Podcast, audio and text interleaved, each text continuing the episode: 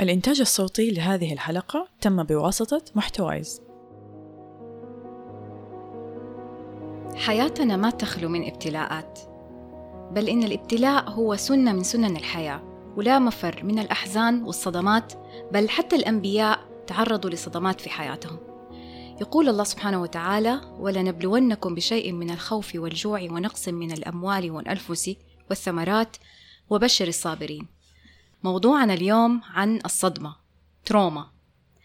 وحنسمع قصة اليوم ونرجع نتناقش مع ضيفتنا.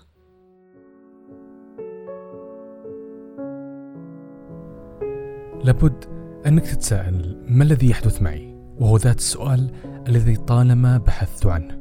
بالرغم من الحقيقة التي سأكشف عنها يبقى أنه ابتلاء سأحتسبه عند الله سبحانه. قد يفسر الشد والجذب في قراراتي.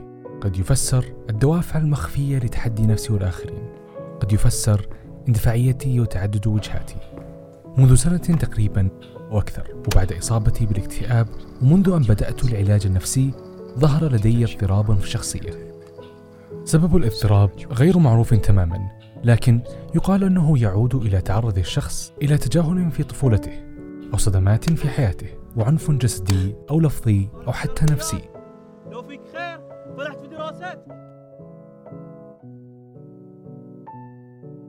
لن أذهب إلى حيث بدأ كل ذلك لكن في فترة ليست بالبعيدة وبعد صدمة الطلاق تعرضت لأقصى الظروف. أن تشعر وأنك اقتلعت من إنسانيتك وشرفك وعائلتك لا يوصفه وصف. وأن تشعر وأنك عار على أهلك هو صدمة كبيرة. في لحظة من اللاوعي والإدراك وفي قمة الألم والإحساس بالعار والظلم أقدمت على الانتحار. لأخلص نفسي والعالم مني لأنتقل من قسوة البشر إلى رحمة الله.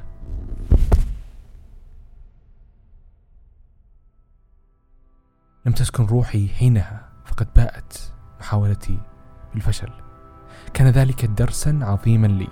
اكتشفت أني حتما لا أريد الموت. أني أستطيع أن أسامح وأغفر وأبني ما تم هدمه.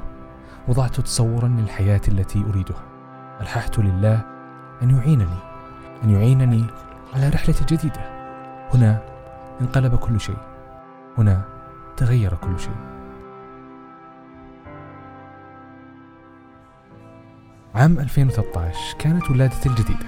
بدأت مشروعي الخاص ولمدة ثلاثة سنوات تعلقت به كثيرا واعتبرته أحد أبنائي حتى صارت الصدمة التالية.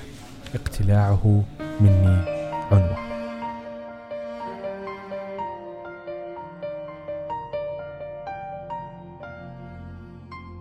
نحن نغفر ونصفح لكن تبقى للجروح كدمات.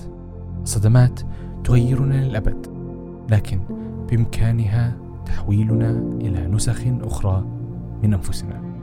إن نحن أردنا تجعلنا أكثر قوة ومرونة وحكمة. أعتبر هذه الصدمات رحمات من الله.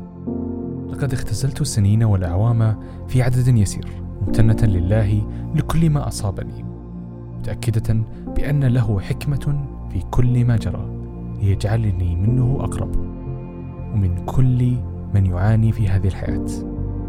لازلت بالرغم من كل ذلك أتعلم. لازلت بالرغم من كل ذلك أتقدم. ولازلت أيضا أبتسم.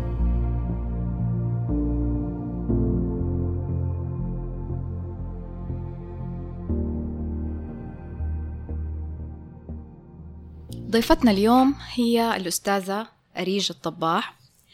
أريج هي رئيس مجلس إدارة مؤسسة لأنك إنسان للدعم النفسي والاجتماعي مقرها تركيا مهتمة بتعزيز الصحة النفسية وربطها بالثوابت الإيمانية الصحيحة وتبسيطها لتصبح ثقافة مجتمعية بمتناول الجميع.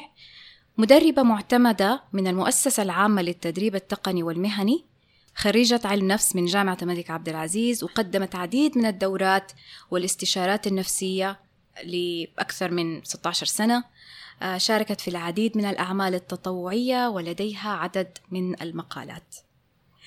أهلا بك أريج معنا أهلا فيكم. أهلا بك أستاذة أريج. إحنا برضو من الموسم الماضي وإحنا نبغى نستضيفك. فجدا سعيدين بوجودك معنا اليوم.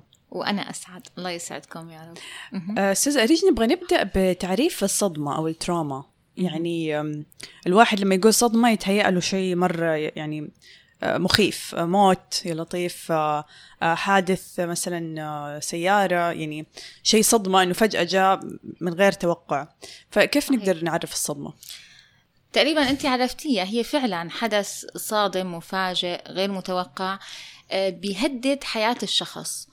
آم، تهديد الحياة مو شرط يكون حروب وكوارث أو حوادث سيارة ممكن يكون تهديد الحياة بأشكال أخرى. سواء كان تعنيف بيتعرض له الشخص آه، أذى شديد بيتعرض له.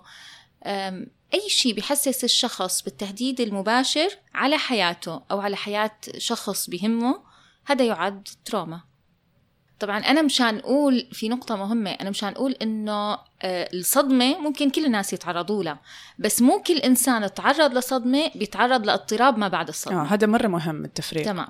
يعني أنا لما نقول تعرضت لصدمة هذا عادي هذا مو مرض ولا بيحتاج علاج أصلا لأنه ممكن ناس يتعرضوا لصدمة آه، يجيهم اضطراب أو مرض وممكن ناس يتعرضوا له يعني يقدروا إنهم يتجاوزوها. لسبب أو لآخر. ممكن يكون اختلاف شخصياتهم اختلاف مدى آه، قربهم من الحدث. ظروف كتير ممكن تلعب دور. كيف أنا بعرف إنه الصدمة تحولت هذا- هذا السؤال المهم. تمام. عندنا علامات تشخيصية مهمة. في أعراض أنا بدي ركز عليها. آه الأعراض لازم يكون عنده آه شغلة بنسميها ال- الأعراض الاقتحامية. الأعراض الاقتحامية هي اللي بتجي فجأة. آه، بيصير بيتكرر معه الحدث الصادم سواء بيتكرر بالكوابيس أو أحيانا حتى وهو صاحي بس بيلح عليه الصور وبتتكرر مثل ومضات. كأنه يرجع يعيش ال- الح- الصدمة مرة تمام ثانية. تمام. يعيشها أو بيشوفها بشكل ومضة. يعني غالبا هذا الشيء بيجي مع محفزات. يعني ممكن يشم ريحة بتشبه آه، ريحة كانت وقت الحدث الصادم فهذا الشيء بيعمل تحفيز. آه، ممكن يشوف شيء يذكره فيه آه، ممكن يكون في نفس المكان اللي حصل تمام. مثلا. أي شغلة هي بتعطي آه، بنسميه أعراض اقتحامية. حلو هون في نقطة إنه يكون بنفس المكان لفتي نظري لنقطة تانية إنه من الأعراض كمان إنه بيصير بيتجنب أي شيء بيذكره بالصدمة. لأنه هو لما يقابل الأشياء اللي بتذكره بالصدمة بيتعب فبيصير عنده أعراض تجنب. بيتجنب يروح لنفس المكان اللي صارت فيه الصدمة آه، بيتجنب يقابل آه، أي شيء بيذكره. يعني مثلا هذا أكيد بيعمل مشكلة كمان يعني وال- واللي حواليه يمكن كمان يتأذوا أو إنهم يعني يتدمروا من هذا ال ال الأسلوب بس يعني مو مثلا آه. حيكون الإنسان في حالة الصدمة مثلا منهار طول الوقت أو مثلا بكاء شديد طول الوقت في استثارة. هلأ حكمل لك بالأعراض. إيه. في أعراض استثارة آه بيصير متأهب دائما آه ممكن تجي نوبات غضب. آه بس خليني أرجع لك على نقطة التجنب. اضرب لكم أمثلة عليها. مثلا الانسانة اللي تعرضت لتعنيف من رجل أو تعنيف شديد آه، كان في خطر على حياتها ممكن أنه تصير تتجنب كل الرجال مو فقط هذا الرجل. بعض الأطفال اللي مرقوا بصدمات من خادمات بسبب آه، أي أذى تعرضوا له من الخادمة فممكن يصيروا ما يقدروا يقابلوا ولا خادمة. يعني أحيانا كثير من الأهالي بيجوني بيكتشفوا أنه ولدهم متعرض لشيء نتيجة آه، خوفه الشديد من شغلة هي ما بتخوف الناس العاديين وتجنبه أنه يكون فيها. فنحن أعرا- أعراض التجنب بتكون واضحة. آه، هلا قلنا الأعراض الاقتحامية قلنا أعراض التجنب عندنا أعراض الاستثارة. أعراض الاستثارة بتلاقي الشخص ما له قدران يسترخي متوتر. آه، ممكن أي شغلة تصير يتأهب بسرعة. آه، يعني صوت باب خفيف آه، أي شغلة ممكن تعطيه شعور بال- بالتأهب دائما متوتر دقات قلبه سريعة. آم، يعني بنقدر نقول إنه الاستثارة بالجسم كله فسيولوجيا بتكون موجودة. هذا العرض الثالث. هلا بيبقى عرض واحد آه، من الأعراض الأساسية اللي مهمة إنه بيصير آه، الشخص عنده أفكار سلبية ومزاج سلبي بيرتبطوا بالحدث الصادم. يعني هي الأفكار أو ال- المزاج هذا ما كان عنده قبل ما يمر بهذا الحدث. مثل إنه يصير ال- الأفكار هي متعلقة بذاته أو بالآخرين أو بالعالم من حوله. يعني ممكن هو كان واثق من نفسه قبل الحدث الصادم بس بعد الحدث الصادم صار حاسس إنه أنا فاشل. آه، ممكن كان يثق بالآخرين. بعد الحدث صار حاسس إنه الناس ما بيستحقوا الثقة اطلاقا وبدأ يعمم. الفكرة السلبية. كان يحس أنه العالم آه، هو مكان مريح عايش فيه يسوده العدل والوئام والناس بيحبوا بعض. فالصدمة اللي مر فيها خلته يغير نظرته للعالم. فصارت نظرة تشاؤمية. يطلع أنه العالم سيء الناس أشرار العالم ما في عدل آه، الدنيا كلها ابتلاء ما فيها راحة. آه، أحيانا بيكررها حتى بمصطلحات هو بيحاول يعمل لها غطاء بس هي لا زالت إنه هو داخل بالنظرة التشاؤمية فبصير بيقول لك لا راحة لمؤمن آه الدنيا كلياتها ابتلاء وابتلاء بس نحن مو هون مقر السعادة. بس صارت نظرته سوداوية بعد الحدث الصادم نتيجة هذا الأعراض هي كلياتها حيكون عنده أعراض سريرية يعني آه، مثل وهن أو إحباط آه، أو بيأثر على وظائفه وأدائه بالحياة. وشرط أساسي إنه يكون هذا الشيء كلياته ما له نتيجة تناوله لأدوية أو نتيجة تأثيرات فسيولوجية. لأنه أحيانا الشخص بيتعرض لصدمة بس بيدمن بعدها. بيبدأ يدمن حشيش كمثال. مم. فممكن تطلع الأعراض نتيجة إدمانه مو نتيجة إنه هو عنده اضطراب صدمة. فنحن بنستثني إنه هو عم ياخذ أي مواد أو كحول أو آه، مواد ممكن تؤدي لأعراض مشابهة لهي الأعراض. طيب أريج إيش اللي يخلي الشخص يعني حساس أكثر لإنه يصيبه اللي هو الاضطراب ده؟ يعني هل يكون مثلا هل له علاقة بإنه إيمانه يكون قوي فبالتالي ما بيتعرض لل لل post traumatic stress disorder ولا شخصيته هل في عامل مثلا وراثي؟ آه، إيش اللي يخلي الشخص أكثر عرضة لإنه يصاب بالاضطراب ده؟ أنا بحب أشبه دائما الصدمات النفسية مثل الصدمات المادية. أحيانا كثير السيارة بتنصدم بس ما بتتأذى. بتكون الزاوية اللي انصدمت فيها عملت لها حماية. أيوة. وأحيانا بتدمر تماما. شو الشيء اللي بيخلي الاختلاف بالهاد؟ كتير أشياء. الزاوية اللي صارت منها الصدمة معدن السيارة نفسه آه، قوتها كتير أشياء. نفس الشيء الكسور اللي الإنسان بيتعرض له. ممكن أنت توقعي أو تخبطي بحيط وتنكسر إيدك وممكن تتعرضي لحادث سيارة والسيارة يعني كادت تدعسك وما يصير لك ولا شيء فليش هي الاختلافات؟ نفس ما بتكون اختلافات بالصدمات المادية فنفس الشيء بالصدمات النفسية. طبيعة النفسية بتختلف بنية الإنسان بتختلف آه الزاوية اللي إجته منها الصدمة كمان بتكون بتفرق آه نظرته للأمور قبل الصدمة. يعني الإنسان اللي كان قبل الصدمة جدا متفائل عنده ثقة مطلقة بالناس آه متوقع أنه ما في شر مطلقا بالدنيا.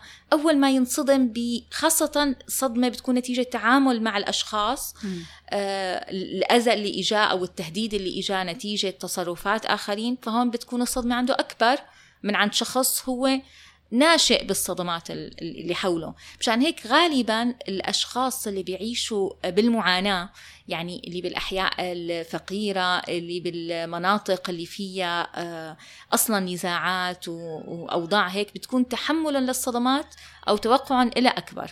طيب. آه، أستاذ أريج بما أنه إحنا يعني مهتمين أكثر في إطار العلاقات الزوجية أو حتى بعد الطلاق فزي إيش ممكن تكون صدمة للزوجين خلال الزواج سواء للرجل أو للمرأة؟ هلا عادة الصدمة هي اللي بتحمل تهديد بالحياة أو أذى جدا شديد؟ أنا بعتبر أنه الخيانة مثلا نوع من أنواع الأذى الشديد اللي ممكن يتعرضوا له بعض الزوجات أو بعض الأزواج. طبعا حسب نوع الخيانة وكيف شافوها آه هذا أذى صحيح هو ما له أذى جسدي مباشر بس هي ممكن إنه تسبب أذى أحيانا كتير بتكون الصدمات طبعا الخيانة ممكن تصدم واحدة وما تصدم أخرى م. تصدم شخص وما تصدم الثاني لأنه هذا راجع م. للعلاقة المسبقة ولتوقعاته المسبقة ولأشياء كتير ممكن إنه تنبنى عليها صح. بس لا شك إنه بعض الأشياء النفسية ممكن تعطي أثر من الأذى يشبه الأذى المادي إضافة للتعنيف اللي بيكون أحيانا كثير بين الأزواج ويؤدي إلى الطلاق آه، أحيانا في حالات بتجينا التعنيف حتى من المرأة يعني بيجي التعنيف من الجهتين التعنيف اللفظي الشديد اللي فيه آه، أذى جارح أو يمس شيء ممكن يعطي درجات خفيفة من الصدمة آه، بس بشكل رئيسي هو اللي بيشكل تهديد للحياة. هلأ أنا بتجيني حالات أحيانا بتكون عندها صدمة جدا شديدة لمجرد إنه زوجها تزوج. بس وحدة غيرها هي بثقافة التعدد فيها وارد ما بتجيها الصدمة. كانت عندها توقعات. فهذا كمان بيفرق حسب هي مقدار الأذى اللي تعرضت له أو هو مقدار الأذى اللي تعرض له. ولا بالطلاق؟ برضو كيف ممكن يكون صدمة الطلاق نفسه صدمة. يعني يعني ال- الطلاق يهدد استقرار الحياة بشكل عام. يعني هو صح ما ينهي الحياة بس آه، بفترة معينة ممكن تشعر فيه المرأة أو الرجل غالبا المرأة بتشعر بهالشيء أكثر إنه هو نهاية لحياتها نهاية لاستقرارها. إلا إذا كان الطلاق مع تمهيد مع اتفاق مسبق مع خطة حاططها إنه توصل للطلاق كتير بتفرق. يعني أحيانا في نساء مثلا بتجيهم ورقة الطلاق وهن أبدا ما لهم متوقعين. مزبوط. هاي ممكن تكون مفاجأة. صدمة. لاحظوا إنه الصدمة لازم تكون مفاجئة يعني غير متوقعة. مم. أما إذا كانت متوقعة فهي ما عادت صدمة. هي حدث مؤلم بس ما عاد صدمة. هلأ في نقطة مهمة ضروري نركز عليها إنه آه، ال- النفسية كثير من الأشخاص بيربطوها بالإيمان. هي صحيح إنه الإيمان هو مساعد على العلاج بس نحن ما بنقدر نقول إنه هذا الشخص جاء اضطراب لأنه هو ما له مؤمن. ابدا ما بنقدر نقول هالكلام لأنه ممكن يكون إيمانه شديد جدا ويتعرض لهي الصدمة لأنه سببت له أذى شديد جدا. آه، إذا رجعنا كان والي حمص وقت عمر بن الخطاب إذا بتتذكروا قصته اسمه سعيد. آه، سعيد بن عامر هو صحابي ومن المبشرين بالجنة يعني من أفاضل الصحابة. آه، شهد مصرع خبيب بن عدي. فكان كل ما تذكر هذا الأمر يعني اتأثر بالحادث تأثر جدا شديد. ال- التأثر أو الأذى اللي هو تعرض له كان لأنه كان بوقت مقتله كان سعيد مشرك يعني ما كان لسه أسلم. فهذا الشيء آه، أثر بنفسه بشدة. فصار يعني هو بعده دخل بالإسلام آه، بس صار يجي شغلة كل ما تذكر يصرع يعني ما بيعود بيقدر إنه يتمالك نفسه الحقيقة إنه هذا عرض من أعراض الصدمة لأنه أحيانا كتير الصدمات الشديدة نحن لما نتذكرها بيصير عنا آه، عرض بتتذكروا الأعراض الاقتحامية اللي قلناها. من الأعراض الاقتحامية التفارق أو نحن بنصير بنرجع بنتذكر الصدمة فبيجي الاستثارة الزايدة فممكن الشخص إنه يجي نفس اللي إجا لسعيد بن عامر وهو شخص مؤمن. هو للأسف أحس كمان مجتمعنا أو عادة في المجتمع الواحد حتى لما يبغى يجي يعبر عن مشاعره بعد الصدمة أو بعد أي يعني حدث محزن أو أو يعني مفاجئ الناس تمنعه بحجة الإيمان. خلي إيمانك قوي اصبر آه مثلا للرجال الرجال ما يبكوا يعني كثير نسمع هذا الشيء. فهل هذا كيف بيأثر على الصدمة؟ يعني هل هذا بيكبت الصدمة ويصير الإنسان الأعراض دي بتختلف أنه يكبتها فتصير ترجع أكثر مثلا بعدين؟ أو إيش حيكون تأثيرها؟ حلو السؤال. كل ما زاد التجنب وكل ما نجح فيه الإنسان كل ما زاد اضطراب الصدمة بداخله. يعني نحن ظاهريا بنقول ما شاء الله هذا قوي وما عبر ولا طلع عنه شيء وهو نجح بالتعرض لدرجة إنه حتى الأعراض ما طلعت عنده بشكل مباشر مم. أحيانا بتجيني حالات بيطلع اضطراب الصدمة بعد سنوات يعني بتطلع الأعراض. يعني بتجيني بنت عمرها 25 سنة عم تتعرض لأعراض اضطراب صدمة نتيجة تحرش صار وهي عمرها خمس سنوات. أوه. بس هي كانت متجنبة تماما هذا الحدث وهي عمرها 25 تزوجت أو قبلت أمر ذكرها بالحدث الصادم اللي هي مرت فيه بطفولتها. بدات تطلع الأعراض على السطح وكانت مو سهل علاجها. يعني كل ما كانت الصدمة أقدم كل ما بيكون علاجها أصعب. إذن الوقت ما يساعد إنه في تشافي الصدمة. بالعكس بيزيد أو بيزيد سوءا. يعني ال الوقت إذا نحن كبتنا الصدمة فهو بيزيد سوءا. بس رح أرجع لنقطة الإيمان وإنه هن بيقولوا له لا تبكي أنت مؤمن والله معك وبتعرف إنه ابتلاء وهالشيء الحقيقة أنا بعتبر إنه هذا الشيء مخالف لسيره الرسول صلى الله عليه وسلم. الرسول صلى الله عليه وسلم قال إن العين لتدمع وإن القلب ليحزن وإن على فراقك يا إبراهيم لمحزونون. هذا وقت توفى ابنه. آه، أبو بكر الصديق كان يبكي حتى تبتل لحيته لما يتذكر عذاب القبر ولا لما يتذكر أهوال يوم القيامة. فالبكاء ما له عيب بحق الرجل. ليش خافوا قريش على آه، صبيانهم ونسائهم أنه يفتنوا بأبو بكر من كتر ما كان عاطفي؟ فلما يقرأ القرآن يبكي. ويبكي بكاء شديد. فهن خافوا من تأثر المحيط اللي حوله بهذا البكاء. ما حدا قال إنه البكاء بالعكس البكاء نعمة. يعني حتى في آية بالقرآن هو الذي أضحك وأبكى. فالضحك والبكي الاثنين بنفس القدر هن الاثنين نعمة من الله سبحانه سبحان وتعالى. الله. الإنسان اللي بيبكي بتطلع السموم من جسمه بيقدر يعبر بيقدر يكون يعني بيقدر يكون مرتاح أكثر بكثير من الإنسان اللي ما بيعبر. هلأ التوجيه الإيماني نحن دائما بنوجه رسالة للدعاة ولل للناس الملتزمين إنه انتبهوا كثير لا تنفروا. يعني أحيانا نحن بنجي عند شخص مصاب وبنقول له إنه يعني بنبدأ بنحاول إنه ننصحه فهو بي بي بينفر من الدين أو بيحس إنه هدول عم يربطوني أو ما عندهم تفهم لمشاعري وهذا الشيء بينعكس على مشاعره مع الدين وهذا غلط. يعني أنا بالعكس من ال- الدين الصحيح إني أنا أستوعبه وأستوعب مشاعره وبعدين وصل له الفكرة اللي بدي اوصل له إياها. الرسول صلى الله عليه وسلم لما كان بالقبر عم شاف امرأة تنتحب آه ونصحها إنه قال لها احتسبي. قال كلمة واحدة احتسبي. قامت قالت له إليك عني فلم تصب بمصابي. الرسول صلى الله عليه وسلم ما وقف وعطاها موعظة. مشي. دار وشه ومشي ما وقف وناقشها واقنعها إنه هذا الشيء غلط لأنه هي ما حتسمع. حاليا كانت هي واصلة لمرحلة من الغضب تصل لدرجة الإغلاق. هلا هي بعد ما عرفت إنه الرسول رجعت تعتذر له فهو قال لها إنه أن ما يعني بما معناه إنه هو الاعتذار ما بيصير لإنه هو الرسول صلى الله عليه وسلم هذا كان درس إلنا إنه نحن حتى ببكائنا حتى لما نتعرض لصدمات نتأدب يعني نتأدب بإنه ما نوصل للسخط مم. بس مو معناتها إنه نحن ما, نعبر. نغضب بالضبط نعبر بس نحتسب عند الله ونعرف إنه هذا الألم إلنا فيه أجر يعني الاحتساب مو معناته إنه نحن ما نتألم بس معناته إنه نحن ما نوصل لمرحلة السخط اللي بتطلعنا عن طورنا تماما أو بتوصلنا لحالة من الإغلاق. مزبوط. هذا إذا كان الشخص قادر على السيطرة. طبعا في بعض الصدمات الأشخاص فيها ما بيكونوا قادرين أصلا على السيطرة فبيطلع عن طورهم.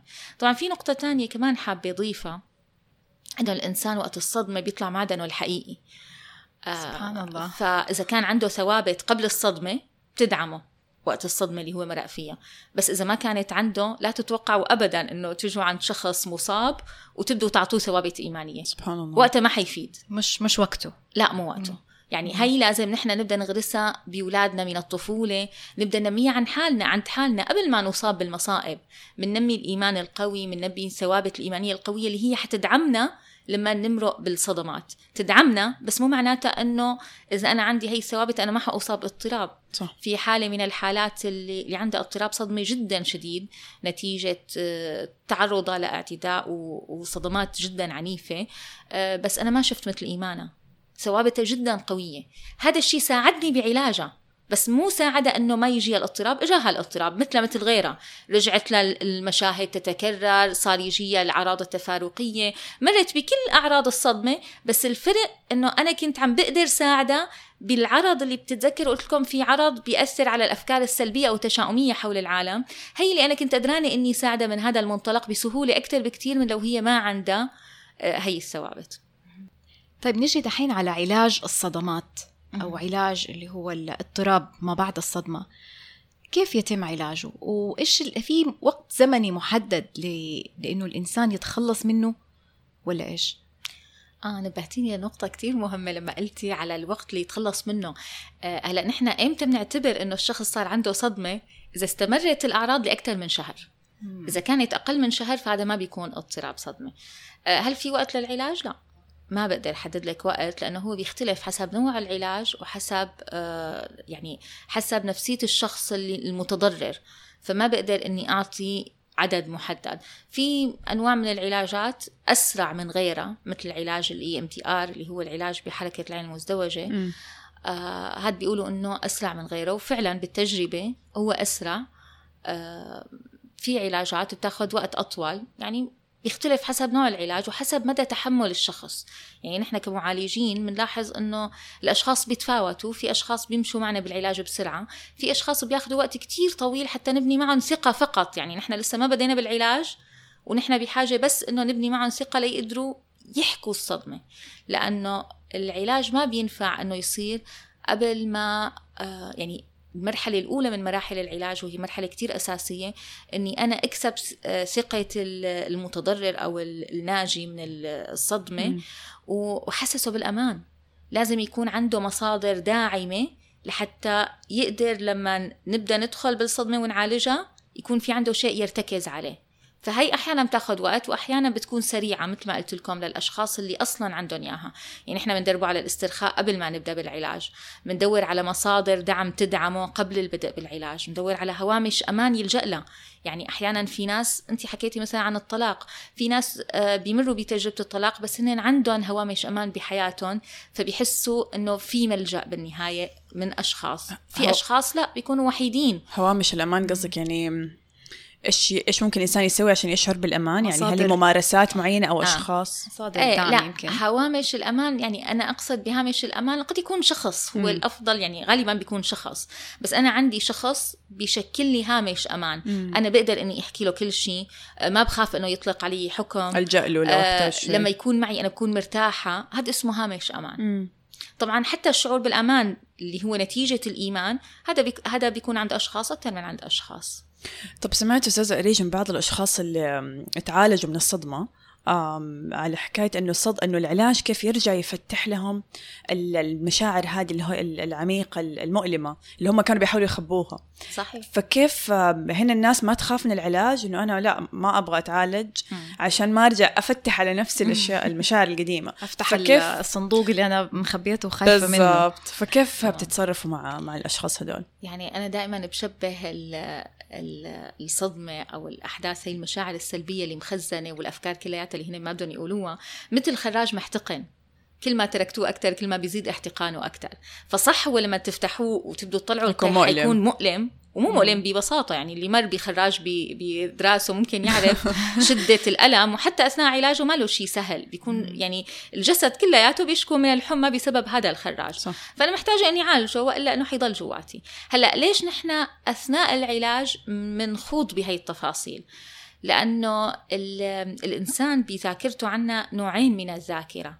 في ذاكرة بتكون مؤرشفة ومرتبة وهي منخزن فيها الخبرات اللي نحن مستوعبينها. وفي نوع من الذاكرة بتتخزن فيها الأحداث الصدمية والعواطف والمشاعر القوية هي الذاكرة ما بتتعالج هي شو دورها؟ يعني هي المشاعر كلياتها بتتجمع بمنطقة بالدماغ اسمها اللوزة الدماغية آه، انت بوقت الخطر أو بوقت التهديد انت عندك تهديد بحياتك فانت ما عندك وقت آه، إنه المعلومة تنتقل من الإحساس الجسدي أو إدراك الخطر اللي هو أدركتيه فسيولوجيا. ما عندي وقت إنه تروح على القشرة الدماغية وتتحلل لحتى الدماغ يقرر هي وين بدها تروح. آه. فانت بتطلعي بردة فعل تلقائية. صار حريق. أنا أدركت الشعور. مباشرة راح على منطقة اللوزة وأنا ركضت هتهربي يعني. إجا الإرسالات للخلايا العصبية إنه انت لازم تتصرفي. فالانسان بلحظة الخطر أو بلحظة الصدمة هو محتاج لتصرف سريع. صح. مشان هيك المعلومات ما بتتخزن بشكل صحيح.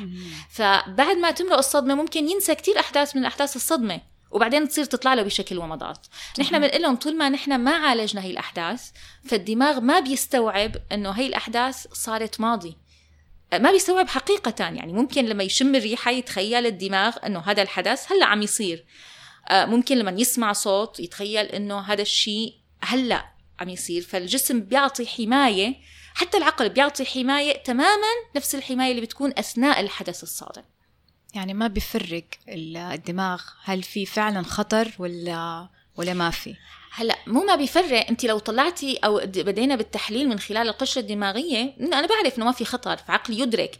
بس بلحظة استيعاب الصدمة ال- ال- المحفزات نحن بنسميه محفز للصدمة بيطلع لي نفس المشاعر القديمة اللي كانت حتى في شغله غريبة آه إنه أحيانا بيطلع شغلة نحن بنسميها ذاكرة جسد يعني انسان تعرضت لضرب شديد جسمها بيحمر مثل لو هلأ انضربت سبحان الله. سبحان الله مم. لأنه الذاكرة بتنأثر حتى فسيولوجيا على الجسم مم. طبعا هو العلاج ال- العلاج يقوم بترتيب هي المعلومات. آه، نحن بنعمل إعادة ترتيب للمعلومات من أرشفها بشكل صحيح وبنحاول إنه نستعيد الخبرات اللي مرقنا فيها. آه، من خلال المعالجة أنا بطلع شو كانت أفكاري شو كانت مشاعري شو استفدت منها لتنتقل من حدث آه، حالي لحدث أو حدث بيهددني بالمستقبل لحدث ماضي وصار خبرة بالنسبة لي في كتير أنواع من العلاج قلت لكم أحد ال دي ار في علاج تعرض مطول في كتير أنواع من العلاج بس المهم إنه اللي يعالج الصدمة آه، ما يكون شخص هاوي أو ما عنده تخصص جيد لأنه متمرس. مثل ما أنت قلتي هو بيفتح الجروح. فكتير خطر إنه يفتح الجرح وما يسكره طبعاً. وجت فترة انتشرت كتير الدورات القصيرة هي اللي من خلال أسبوع الواحد بيطلع منها معالج وكانت تصير أشياء جدا خطيرة إنه تنفتح جروح وما يعرفوا يضبطوها أو إنه يغلقوا الجرح وهو ما نظف بشكل صحيح فهذا بيعطي أذى أسوأ بكتير من الأذى اللي كان قبل ما يفتحوا الجرح هذه معلومة مرة مهمة مرة جدا مهم صراحة أستاذة أريج خلصت الكلام من عندك إيش تحبي تقولي لنا؟ بدي أحب لكم إنه نحن لازم نعترف إنه نحن بشر والبشر عندهم ضعف بشري وهذا الضعف ما له عيب. آه، بالعكس كل ما نحن شعرنا بضعفنا أكثر كل ما هذا الشيء ربطنا بقوة الله سبحانه وتعالى أكثر وخلانا نحس بالافتقار لله ونلجأ له. بس هذا طبعا لا يمنع أنه نحن نلجأ للدواء اللي ربنا أعطانا إياه بالدنيا ومنه العلاجات اللي اللي بتساعد الشخص إنه يتجاوز الصدمات اللي هو مر فيه. أستاذ أريج نشكرك على لقاء اليوم إذا حبوا يتواصلوا معك المستمعين أو أحد حابب يعني يستفيد من خدماتك ومن العلاج اللي بتقدميه كيف ممكن يتواصلوا معك؟ آم تمام نحن عنا آه عنا موقع لأنك إنسان موجود بالنت. وفي عنا تطبيق صحيح نقطة مهمة آه عنا تطبيق على الجوال عملناه لأنك إنسان بيساعد الأشخاص على تجاوز الصدمات أو على التعافي من الصدمات جميل. من خلال برنامج مقتبس من برنامج ل 12 خطوة الشهير سوى للتعامل مع الصدمات. إيش اسم التطبيق؟ آه اسمه تطبيق شريان الحياة. حلو حلو الاسم. شكرا لك يا أستاذة أريج ومستمعينا نحب نسمع آراءكم وملاحظاتكم ونذكركم أيضا ما زالت مستمرة مجموعات الدعم لأقلب الصفحة. إذا حابين تعرفوا معلومات أكثر عنها أو تسجلوا فيها راسلونا أو آه، اكتبوا لنا رسائل خاصة. آه، شكرا لكم. تابعونا على مواقع التواصل الاجتماعي إنستغرام وتويتر. كان معاكم بسمة وغزل.